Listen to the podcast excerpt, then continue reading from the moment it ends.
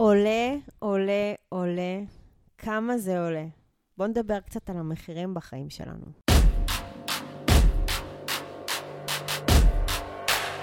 ברוכים הבאים למדברים השקעות עם עמית ואגר.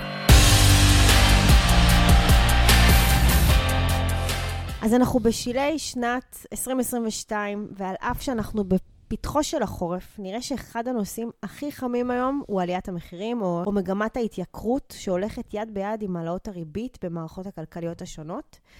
אנחנו מדברים תמיד על הצורך, או אפילו על החובה, להרחיב את הידע הפיננסי שלנו לרוחב ולעומק ולאורך זמן, כדי להתמודד בצורה טובה יותר עם הפחדים, עם חוסר הוודאות ועם השינויים שמתרחשים באופן קבוע. עכשיו, בגלל כל זה חשבנו שיהיה נכון להקדיש כמה פרקים קצרים מהפודקאסט שלנו לנושא המחירים הבוערים, ובואו בכלל נבין מה זה מחיר, אוקיי? מה המקורות הלשונים וההיסטוריים שלו, איך בכלל קבעו מה זה רמת מחיר, מה מדד המחירים, מה האינפלציה ומה הקשר שלה לריבית, איך נקבעת הריבית, ובסוף, איך כל זה פוגש את עולם ההשקעות, ובעיקר, איפה ההזדמנויות. אז נתחיל ממהו מחיר. לפי הגדרה המילונית, מחיר הוא פשוט התמורה הכספית או סכום הכסף הנדרש לרכישה של מוצר או קבלת שירות. מקור המילה הוא אי שם בתנ"ך במשמעות של תמורה. יש שקושרים בין המילה מחיר למילה מוהר, הסכום שנותן החתן למשפחתו של כלתו תמורתה, ובטעות גם למילה מכירה, שעל אף הדמיון הסמנטי ביניהם, המחקר הלשוני קובע כי הקשר מקרי בהחלט. בסביבת המילה מחיר, יש עוד מגוון מילים קשורות, כמו תעריף, עלות, שער, דמים או דמי. כולן עוסקות באיזושהי זווית או היבט של המחיר.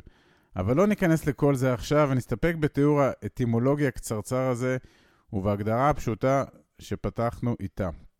אז המילה מחיר אומנם עתיקה והולכת אחורה עד ימי התנ"ך, כמו שאמרנו, אבל התמורה שהמחיר מייצג לא תמיד הייתה כספית. לפני המצאת המטבעות והשטרות כשיטת תשלום, סחר החליפין היה השיטה המקובלת לצרוך מוצרים או שירותים. עגבניות תמורת חיטה, עיזים תמורת כותנה, המסחר הוא אחד מאבני היסוד של התרבות האנושית ושל התפתחותה. לאורך ההיסטוריה הוא חייב תקשורת, עודד יצירתיות וייצור עצמאי ואפשר הרחבה של היצע המוצרים. ושלב מרכזי בהתפתחות הזאת הוא הופעת הכסף, השטרות והמטבעות, ואחר כך גם האשראי, הפייבוקס והביט וכו' וכו'. כל אלה נועדו להתמודד עם מורכבותו של המסחר, ריבוי המוצרים, ערכים שונים, אתגרי שינוע ועוד ועוד.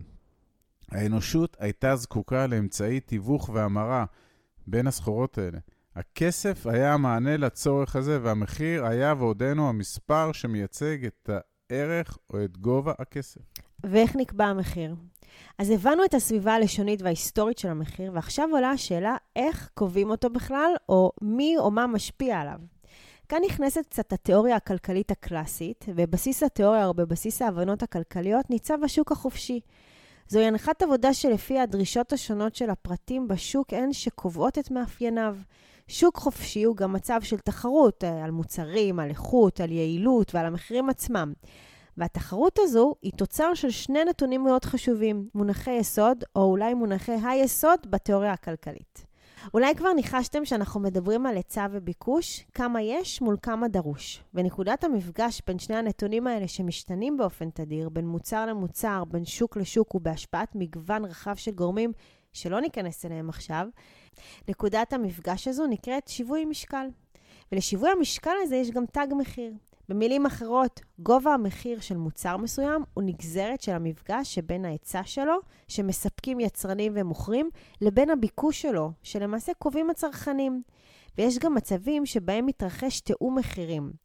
מצב שבו מספר גורמים, לרוב בצד של המוכר, מסכימים ביניהם על מחירים ויוצרים בכך פגיעה קשה בתחרות במשק. ואלה מצבים שנקראים מונופול, דואפול או קרטל. וזה על רגל אחת או על אצבע אחת. הבסיס של הענף הכלכלי שנקרא מיקרו-כלכלה. ענף שעוסק בהתנהגות הפרטים במשק, שבתורה מעצבת את ההתנהלות המשק כולו, שהמחירים הם הרכיב המרכזי שלו. ברור שמדובר בעולם תוכן עשיר ומפותח, והמטרה שלנו כאן היא לא להקיף עולם שלם של ידע, אלא רק להפנות אליו את הזרקור ולהאיר את הקשר שבו נקבעים המחירים בשוק. אנחנו מקווים שהבחנתם באלומת האור הקטנה הזו והבנתם קצת יותר את המושג המורכב והדומיננטי כל כך בחיינו, שנקרא מחיר.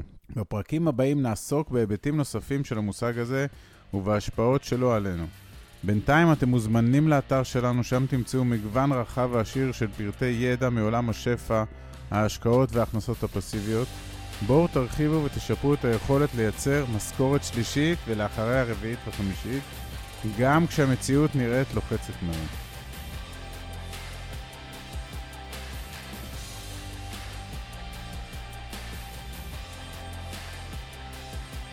עד כאן להפעם.